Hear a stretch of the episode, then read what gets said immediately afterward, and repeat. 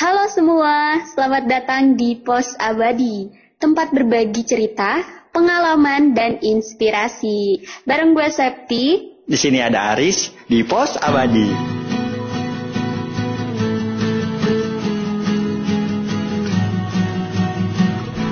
Oke, hari ini bakal seru banget nih karena setelah beberapa episode kemarin, akhirnya kita bakal adain lagi bincang bareng. Dan gue sama Aris kali ini kedatangan tamu yang oke okay banget nih. Pasti kalian gak akan nyangka juga. Langsung aja ya, kita panggil Dianda. Halo Dianda. Halo, halo guys. Kenalin oh. nih nama gue Dianda. Gue dari manajemen 53. Oke, manajemen ya. Anak manajemen yeah. nih. Kira-kira kita bakal ngomongin ke arah mana sih? Kalau bareng anak manajemen, anak ekonomi banget nih. Oke, Dianda sehat? Alhamdulillah sehat. Alhamdulillah. Nah, uh, Dianda boleh dong nih sebelum mulai lagi kenalin lagi lebih uh, lebih lagi tentang Dianda. Dalam segi apa nih? Backgroundnya atau sekarang kesibukannya oh. lagi ngapain? Uh, iya, gue gua sekarang sih sebagai mahasiswa tingkat akhir ya, yang skripsi secara online karena karena ada kendala pandemik. Terus gue sekarang sih lagi nyoba buat ini apa usaha, perintis usaha lagi karena gue gue mikir kayak gue sekarang di rumah gak ngapa-ngapain dan cuma tingkat akhir dan gue gue harus berguna nih gitu. Gue harus ngapain? Gue pengen usaha gue pengen menghasilkan duit gitu. Akhirnya ya gue nyoba nyoba sih nyoba buat usaha kecil-kecilan itu mantap. Oh gak udah kepikiran sampai segitu loh. Ini usaha ini karena pandemi aja atau emang sebelumnya ternyata punya usaha juga nih jadi sebenarnya gue tuh emang usaha dari SD.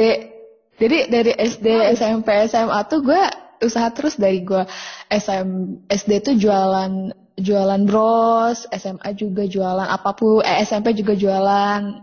Sering banget gue usaha apa pun gitu. Kalau ada peluang gue pasti usaha gitu. Untuk SMA juga gue pernah usaha, tapi waktu karena gue SD SMP SMA belum ngerti kali ya pemasukan gitu. Kayak semua tuh ke mama gue gue cuman kayak bagian pemasaran aja gitu dan gue nggak dapat hasil apa apa gitu. Iya waktu dulu kan gue nggak ngerti ya gitu. Kayak jual jual aja. Makanya pas kasihan teman gue ya Allah. Yang sepatin orang tua. Ya gitu. Kan gue baik jadi ya udahlah gitu buat orang tua.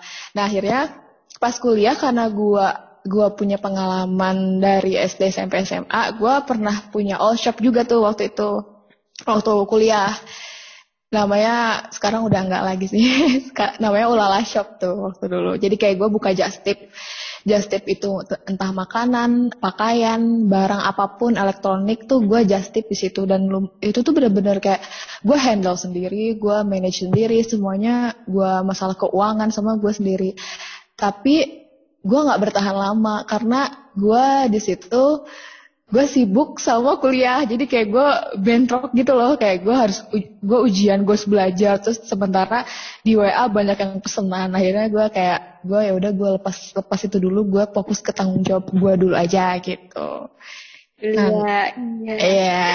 akhirnya sekarang nih karena gue kalau sekarang tuh uh, sebenarnya keluarga gue tuh kayak kena musibah gitu kan. Sebenarnya musibah karena pandemik. Jadi uh, perusahaan di tempat bokap gue kerja di salah satu perusahaan swasta tuh kolab gitu loh. Jadi uh, oh, bokap gue tuh kayak diistirahatin sementara di rumah at least gak ada pemasukan dong. Sementara mama gue tuh kayak ibu rumah tangga doang gitu. Akhirnya sebenarnya sekarang tuh gue megang dua usaha sekaligus. Sekarang tuh usaha yang pertama tuh ini usaha keluarga gue karena kalaupun kita kita diem dengan saya kalau kita nggak ada usaha ya kita kelaparan dong. At least kayak bokap gue udah gak kerja gak ada pemasukan sama sekali. Untuk biaya gue gue pun sekarang masih baru KT kan gitu. Caranya gimana nih? Kita mikir satu keluarga. Ya udahlah kita buka usaha usaha rumah makan. Tapi bener-bener uh. ini usaha usaha keluarga jadi kayak udah punya tanggung jawabnya masing-masing bokap gua ngapain mama gua ngapain gua ngapain. Nah gue tuh sebenarnya handle dua usaha. Yang pertama usaha keluarga gua. Gua kayak bagian marketing kayak gue bagian yang online. Kan uh, rumah makannya online juga. Gua oh. nganter pesanan gitu. Nah yang kedua usahanya gue sendiri. Gue megang sendiri, gue handle sendiri semuanya gue sendiri. Dan itu pun usahanya just tip masih just sih gitu. Sama kayak usaha uh, sebelumnya waktu gue kuliah. Cuman bedanya uh, untuk sekarang lebih fokus ke dessert box makanan aja gitu. Kalau dulu kan just tip apa aja gitu sih. Itu aja sih sebenarnya. Oh yang kata ini ya, yang perintis dessert box nomor satu di Indonesia ya itu ya? Iya itu, ya gue soalnya gini. Terkenal banget nih. Iya soalnya gini loh, peluang apa sih yang bisa gue ambil di, di di pandemik ini at least kayak sekarang banyak remaja eh, remaja-remaja yang kayak ya anak-anak ciwi-ciwi gaul gitu kan yang yang yang apa ya yang ya banyak lah di sosial media yeah. gitu yang pengen hmm. pengen gaya-gayaan gitu kan. At least di sini tuh di Sukabumi belum ada di box yang proper satu itu, proper satu di Indonesia tuh belum ada. Nah gue carinya wah mumpung gak ada nih di Sukabumi peluangnya berarti lebih besar dong. Di Bogor tuh udah iya. banyak cabangnya tuh udah banyak gitu. Akhirnya gue uh, ya udahlah gue nyoba buat just tip uh, si dessert box by Najla ini. Dan hmm. ternyata emang bener. Di bener pas gue nyoba buat pertama kali gue buka just tip 25 box itu dalam tiga hari tuh habis. Dan oh, ah, wah lumayan juga nih. Lumayan juga kan? Ya udah gue terusin lagi aja saya sekarang gitu Iya. Jadi gue seneng banget lo denger. Jadi kayak pengalaman tuh udah udah udah uh, kebentuk banget dari mulai SD sampai akhirnya mungkin itu juga gak sih yang bikin lu masuk manajemen atau ada ada alasan hmm. lain gitu? Enggak sih. Gue gue tuh IPB tuh gue tadinya ngambil bio loh, biologi. iya, jujur aja gue. Gue tadinya ngambil biologi terus kayak eh kayaknya gue gak pede deh gue kayak gue takutnya ya tau lah IPB bagaimana takutnya gue gue nggak nggak nggak pede deh pokoknya akhirnya gue ya gue ngambil manajemen dan ternyata masuk gitu loh oh ya udah gitu sebenarnya nggak ada niat buat i ke situ cuman emang karena kebetulan gue gue suka usaha gitu itu yeah. aja iya. sih pengalaman itu mendukung banget gitu sama jurusan lu sesuai gitu. Tapi ngomong-ngomong tentang uh, karena lu udah jelasin juga nih tentang bisnisnya, uh, sekalian pengen gue tanyain tentang UMKM. UMKM kalau dari segi uh, udah lu pelajarin gitu dari manajemen hmm. UMKM tuh apa sih gitu kategorinya dan apa yang termasuk uh, UMKM dan apakah bisnis yang lu usahain ini termasuk UMKM atau enggak gitu di?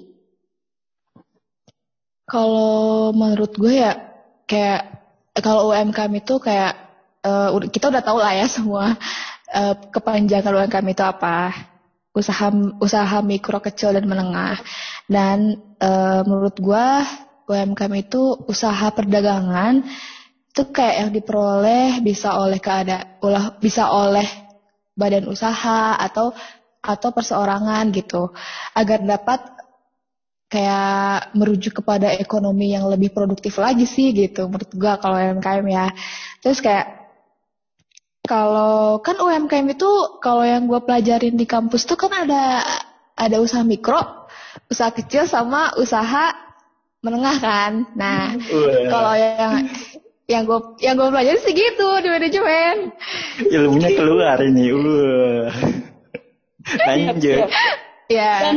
Kalau usaha Ya, kalau usaha kayak usaha mikro tuh kayak usaha produktif kayak milik perseorangan atau badan usaha perseorangan juga. Terus kayak kalau usaha kecil itu juga kayak usaha ekonomi yang produktif dan bisa dan berdiri sendiri sih. Dan menengah pun sama yang dibedain dari usaha kecil dan menengah itu kayak omsetnya. Kalau yang gue hmm. pelajarin omsetnya. Kalau usaha mikro itu kalau nggak salah paling maksimal itu 300 juta pendapatan omsetnya. Nah, kalau misalnya untuk usaha kecil itu, kalau gak salah 50 jutaan deh. 50 juta kalau yang usaha uh, menengah itu 500 juta ke atas deh kalau nggak salah. Itu sih yang gue pelajarin. Intinya usaha kecil dan usaha menengah itu kayak usaha ekonomi yang produktif dan berdiri sendiri yang bukan merupakan anak perusahaan atau bukan cabang dari perusahaan gitu. Itu sih menurut gue. Ya. Yeah. Ini antara buku sama Google ini. Iya, aku tahu sih. Terlihat jelas Pianda. Jadi intinya cuma beda dari omsetnya aja ya. Kalau yang yes, berarti kalau yang uh, Dianda lakuin selama ini tuh termasuk ke mikro atau gimana di? Kalau mikro kan 300 juta ya. Eh gak tahu sih kalau gua kalau usaha gua sih sebenarnya oh gini dulu kan ada dua usaha nih. Kalau usaha gua ya gua kan cuma just tip yang usaha yeah. keluarga gue baru tuh usahanya dari benar-benar merintis dari dari dari kita berdiri sendiri itu bisa jadi UMKM sih kayaknya. Oh berarti usaha hmm. keluarga lu 300 juta tuh, Din? Ya ya enggak juga, ya enggak juga. Yeah. yang 50 tuh yang usaha kecil kan? Iya, iya, usaha kecil. Paling besar 50. Kan ada yeah. usaha kecil, usaha menengah, usaha mikro, kan beda-beda pendapatannya yeah. gitu. Konsepnya ya beda-beda. Paling gue yang usaha kecil sih. Mm -mm. Oke, okay. nah kalau kalau gue lihat-lihat dari mulai pandemi ini ya, itu yang orang bikin usaha itu mulai membludak banget, bener gak sih? Kayak tiba-tiba ada bikin iya. usaha apa, apa itu banyak banget gitu. Tapi iya. uh, ada baiknya gitu, karena kan kalau gue uh, dengar-dengar UMKM itu kan memang jadi salah satu penopang ekonomi di Indonesia gak sih? Tuh. Kalau Iya. Pernah dengar gak sih kata UMKM berdikari? Kalau gue sih di manajemen enggak, makanya gue bingung ini berdikari apaan? Sampai gue nanya kan ke teman gue, wih ini berdikari apaan? Mana gue tahu kan? gua, kita aja gak belajar begitu kata anak-anak sih. Gue gue sih enggak sih. Kalau yang berdikari sebenarnya baru dengar ini malah dari Aris yang berdikari. Oh iya. Iya. Kalau kalau Aris gimana Aris? Lu pernah denger gak Aris? kalau gue dengar baru juga baru kemarin saya sumpah. Kita iya. udah diskusi ya. berdikari, oh berdikari itu apa? Ternyata independen kan. Intinya ya iya, UMKM. Iya. Kalau tadi gue dengar dari penjelasannya di Anda, udah pasti independen gitu, nggak dibawahi oleh anak perusahaan gitu ya. Bukan anak iya. perusahaan kan gitu. Berarti ya emang udah hmm. otomatis berdikari kalau UMKM yang sesungguhnya. Iya. Gitu sih. Iya, iya. Makanya, Jadi, makanya gue sedikit bingung pas Iya, pas itu pas dikasih list pertanyaan, ya dikasih list pertanyaan. UMKM berdikari. Jadi sebenarnya kalau uh, eh, UMKM-nya sendiri udah termasuk berdikari, udah kriterianya ke situ ya. Tapi kalau misalkan ngelihat peluang yang tadi iya. di yang uh, lagi pandemi kayak gini usaha itu makin banyak banget orang-orang buka bisnis apa pun itu. Nah, ngomong-ngomong kayak gitu, uh, ada gak sih di tips and triknya buat ngerintis usaha itu sendiri? Gak gampang dong. Ya gak gampang sebenarnya. Kalau kalau gue sih, kalau gue sih tekad tekad gue gitu. Dari awal kayak gue tuh gak bisa gue diem di rumah gue harus menghasilkan sesuatu duit gak datang dari langit gitu kan gue harus apa sih yang bisa gue lakuin jadi kayak gue tekad gue kuat gitu gue pengen pengen gue pengen menghasilkan gue pengen pengen dapat ya ya seenggaknya buat kebutuhan sendiri gue nggak minta sama orang tua gitu. Itu sih kalau gue kalau gue pribadi ya. Terus kayak ya at least gue yang gue gue bilang tadi kayak jadi lihat lihat apa lihat peluang terus kayak lihat lingkungan sekitar kita tuh kayak kira-kira usaha apa sih yang cocok untuk dikembangkan di situ. Terus kayak keunggulan produk apa sih gitu? Kayak gue harus jualan tapi apa ya yang bikin orang menarik sama produk gue terus kayak keunggulannya kayak gue kan belum ada tuh yang di set box ini di Sukabumi. Ya udah gue nyoba itu juga. Terus kayak kayak tipsnya tuh salah, salah satu itu kayak buat manajemen dengan jelas. Sesederhana, sesederhana apa pun usahanya usaha yang lo lakuin gitu buat manajemen dengan jelas. Kayak pembukaannya jelas pengelola keuangannya juga jelas kayak cara pemasarannya juga juga jelas gitu. Strateginya pun jelas gitu. Jadi kayak kita udah tertata tertata dari awal tuh usahanya tuh bakal bakal kayak gimana kayak gue. Gue nih strateginya nih strategi pemasaran at least gue pasti di sosial media dong. Karena pandemik gak mungkin gue ini gue stay, stay tetap stay home gitu. Tapi dengan cara pemasarannya gue cari walaupun gue gak kenal nih sama orang tapi gue tahu dia orang Sukabumi dan pangsa pasar pro, apa produk yang gue jual tuh remaja remaja. Jarang tuh yang yang anak kecil nggak mungkin harga segitu kan lumayan kan harganya gitu. Remaja yeah. ke umur kita deh umur anak kuliahan. Nah gue cari tuh pangsanya mana nih mana nih anak nih yang umuran kayak seumuran gue anak SMA gue minta promosi nih ke mereka tolong dong promosiin nah di situ budak deh gitu banyak banyak anak-anak remaja itu kayak pangsa pasarnya juga harus jelas strategi pemasarannya juga harus jelas gitu sih Oke, okay, kalau iya, menurut gua. ya jadi. Din, gue mau nanya nih Din. Saya gue nanya bentar ya. Uh, kalau menurut lo dalam dunia usaha itu uang penting gak sih gitu? Dan apakah ada dalam unsur sebuah usaha itu yang lebih penting dari uang? Kalau menurut gue sih, kalau gue penting ya, karena usaha tuh gue buat jadi duit. kalau gue usaha buat buat nyari uang gitu kayak ya buat memenuhi kebutuhan diri sendiri gitu loh. Kalau gue kalau kata gue ya ada sih kalau misalnya Berarti unsur penting. unsur yang lebih penting. dari uang gak, gak lebih penting sih sebenarnya. Itu tuh kayak kayak pengalaman sih. Kita punya pengalaman pribadi gitu. Ya, dan itu bakal kepake bener asli. Kita punya pengalaman karena gue gue udah ngalamin sendiri dari gue SD gue SMP SMA gue jualan. Pas kuliah gue usaha gue gak ada gak biasa aja gitu. Gue let it flow gue jualan gak ada gengsi. Itu kan udah salah satu gengsi tuh salah satu tau gengsi buat jualan tuh bener-bener harus harus mengesampingkan gengsi itu itu pengalaman juga sih bisa salah satunya itu hmm, kalau link menurut lu penting gak sih dalam dunia usaha? Kalau link, link sih penting juga sih kata gue. Di dunia usaha, kalau kita punya link yang bagus juga, at least kayak, uh, misalnya, misalnya kita punya punya kenalan nih, misalnya kita punya kenalan, misalnya di, oh ya di dunia kayak gue usaha, terus, uh, terus uh, apa saudara gue tuh ada juga saudara gue yang yang yang kerja di satu perusahaan gitu kayak dia punya link bagus gitu kayak bisa collab juga gitu salah satunya. Terus kayak gue kayak kemarin ada yang nanya-nanya masalah di serpok gue gitu kayak mau nggak collab gini gini gini gitu link juga penting kok menurut gue oh. buat usaha.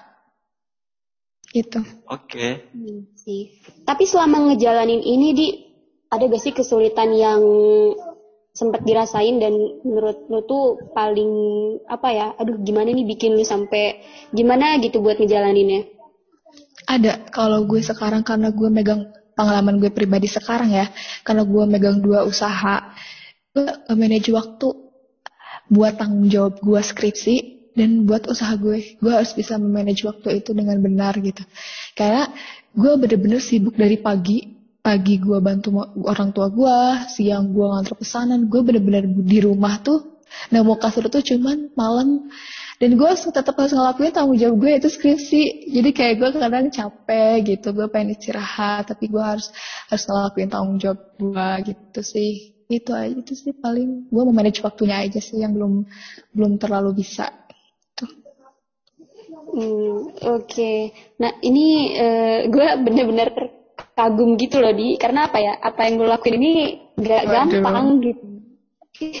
Serius nggak gampang. Dan bahkan kalau menurut gue ya buat buat sekarang seumuran kita juga memulainya aja itu udah susah banget loh kalau nggak bener-bener ada tekad yang iya. yang buat gitu dan lu udah punya pengalaman itu dari dulu ditambah hmm. lagi sama uh, kemampuan lu dan jurusan lu yang uh, bisa mendukung itu semua gitu. Nah, ada gak sih uh, apa ya saran atau cara uh, apa ya tetap tetap terus stabil ngejalaninnya? Saran apa ya? Kalau gue sih, menurut gue tuh uh, yang bisa ngubah kita tuh bukan orang lain tapi diri kita sendiri gitu. Kayak kita pengen sukses, kita pengen kita pengen jadi orang yang yang bener ibaratnya gitu.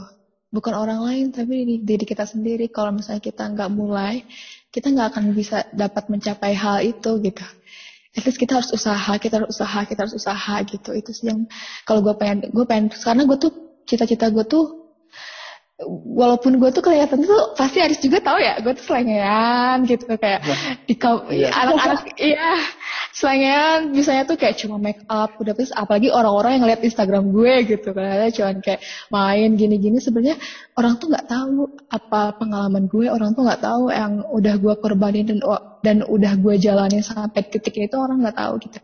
Banyak impian gue yang pengen gue capai. Kayak gue udah gue udah uh, lulus kuliah gue pengen ini kerja gue harus menghasilkan ini nanti gue misalnya gue nikah nih gue nikah tuh gue nggak mau ketergantungan sama suami gue gitu. Kayak gue harus udah punya ini sendiri gue pengen mandiri gitu. Itu sih jadi makanya gue punya cita-cita itu tuh dengan gue diem aja itu tuh nggak akan nggak akan kecapai. Dan harus harus dari sekarang kita harus mulai sekarang. Kalau nggak sekarang kapan lagi? Gitu. Makanya gue kayak mulai oke okay, mulai usaha-usaha walaupun kecil-kecilan gitu. Itu aja sih kayaknya. Gitu. oh iya jujur ya. Dia pas UKM tuh sama Dianda itu gue bener-bener underestimate sumpah kayak ini si Dianda kok kayak abang-abang gitu kelakuannya? Abang-abang. Si nongkrong ini orang sering nongkrong nih gimana gimana kan. Tapi gue pas lu kita ngobrol-ngobrol gitu tiba-tiba lu yang cerita tentang eh gue sebenarnya dulu tuh punya usaha gini gini gini kayak dan dulu kan ngasih uangnya buat ke orang tua lu ya kayak wih jalannya orang ada positifnya besar juga kan gitu kayak. Oh eh, pas kemarin tuh kita mau ngangkat tema ini kayak siapa ya siapa ya? Gue gak punya temen yang ke arah UMKM kan terus gue bilang eh dia anda kayaknya pernah usaha terus kan dia manajemen juga kan. Udahlah gue itu dia anda aja dan menurut gue ya itu cukup menginspirasi sih din gitu. Gue uh, apa ya mungkin kalau orang yang ngeliat dari tampang lu kayak waduh. Ini cewek-cewek gini gitu kan ya. Tapi lu punya nilai yang lebih yang orang nggak tahu sih itu yang gua salut dari lu sih Din gitu. Iya. Emang nggak satu dua orang yang bilang kayak gitu so gue. Uh, kayak ya lihat dari seragamnya kayak ya main nongkrong. Asal kalian tahu kayak gue tuh nggak pakai duit orang tua. Sama itu gue pakai duit gue sendiri. Jadi kayak kayak gue gue gue gue apa yang gue mau tuh gue nggak pernah pakai duit orang tua jadi orang tua tuh emang ngasih nih misalnya ngasih kayak kebutuhan gue udah segitu aja. Di lain-lain tuh gue mau beli handphone mau beli laptop mau beli apa pun gue tuh pakai duit sendiri gue nabung sendiri gitu. Karena gue tuh diajarin dari kecil kalau kita kalau kita pengen sesuatu kita harus usaha gitu loh. Dan gue nggak gas ya gue pas udah gue udah agak aneh sih denger orang-orang kayak gue kelihatan hedon kata gini karena gitu kelihatannya hedon nongkrong gini-gini. Sebenarnya itu tuh salah satu cara buat ngehibur diri gue diri gue sendiri gitu atas apa yang gue atas keseharian gue gitu. Kayak gue gue capek usaha gue capek ini gue capek gue capek cari duit gitu. Terus kayak itu tuh salah satu cara buat ngehibur diri gue aja gitu aja. Padahal sebenarnya gue tuh kayak gimana ya gue cuman cuman gak se gak se parah seperti yang mereka mereka pikirkan. Sebenarnya gue sama-sama aja gitu. Cuman bedanya mungkin gue terlihat menonjol kali ya. Terlalu menonjol mungkin ya gitu. Kan gue tuh slow gitu loh guys. Jadi kayak kayak anaknya tuh di kampus pun di kampus pun gue terkenal kayak anaknya slow selengean santai gitu. Tapi sebenarnya mereka tuh gak tahu sih apa yang udah gue kelakuin sampai detik ini. Soalnya gue tuh uh, kalau gue ya gue tuh dari kecil tuh gue tuh kayak kenapa gue mau usaha mau jualan kecil tuh karena gue tuh lihat orang tua gue senang dan senyum aja gue udah senang gitu gak perlu dibayar. Sekarang pun gue jadi gue walaupun gue megang dua usaha nih satu usaha keluarga gue gue nggak gue nggak nggak apa ya nggak nggak dapet uh, penghasilan sedikit pun itu itu gue bantu orang tua gue semaksimal mungkin namanya anak apa pun yang terjadi di keluarga gue gue selalu ngerasa ikut bertanggung jawab atas atas semua itu. Jadi kayak uh, keluarga gue kena musibah gue oke okay lah gue semaksimal mungkin gue bantu gue bantu gue bantu. Tapi gue nggak dapat apa-apa. Malah ngelihat mereka seneng juga itu udah cukup buat gue gitu. Makanya gue buka usaha lagi yang kedua. Itu buat diri gue sendiri gitu. Itu sih Keren, keren banget.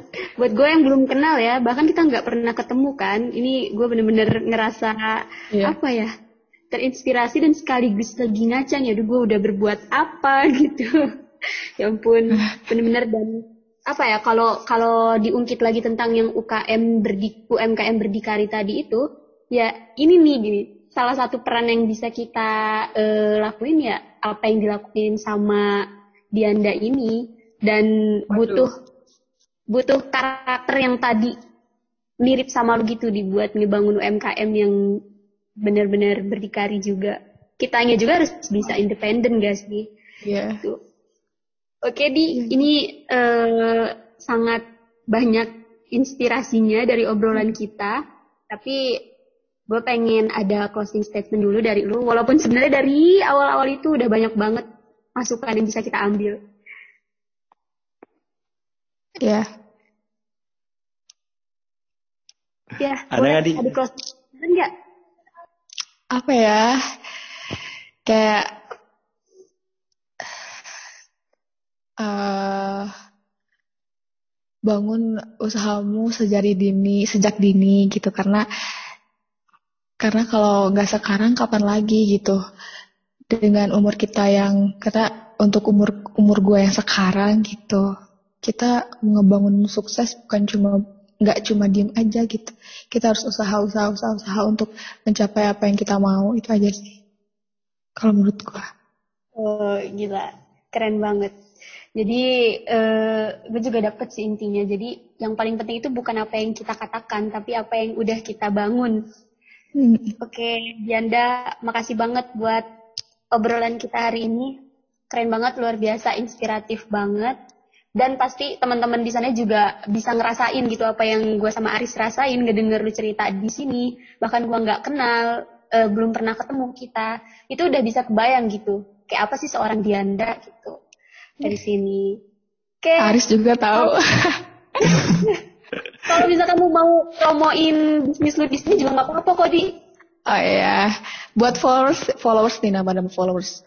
Jangan lupa guys follow buat daerah Sukabumi sih nih. Ini bener-bener, ini bener-bener cuman ada, cuman gue doang sendiri yang usaha ini, nggak ada di Sukabumi. Bener-bener di, di search box nomor satu pelopor di Indonesia. Jangan lupa follow Instagramnya uh, Bittersweet by Najla Sukabumi. Udah. Jangan lupa follow. Oke. Okay. Makasih.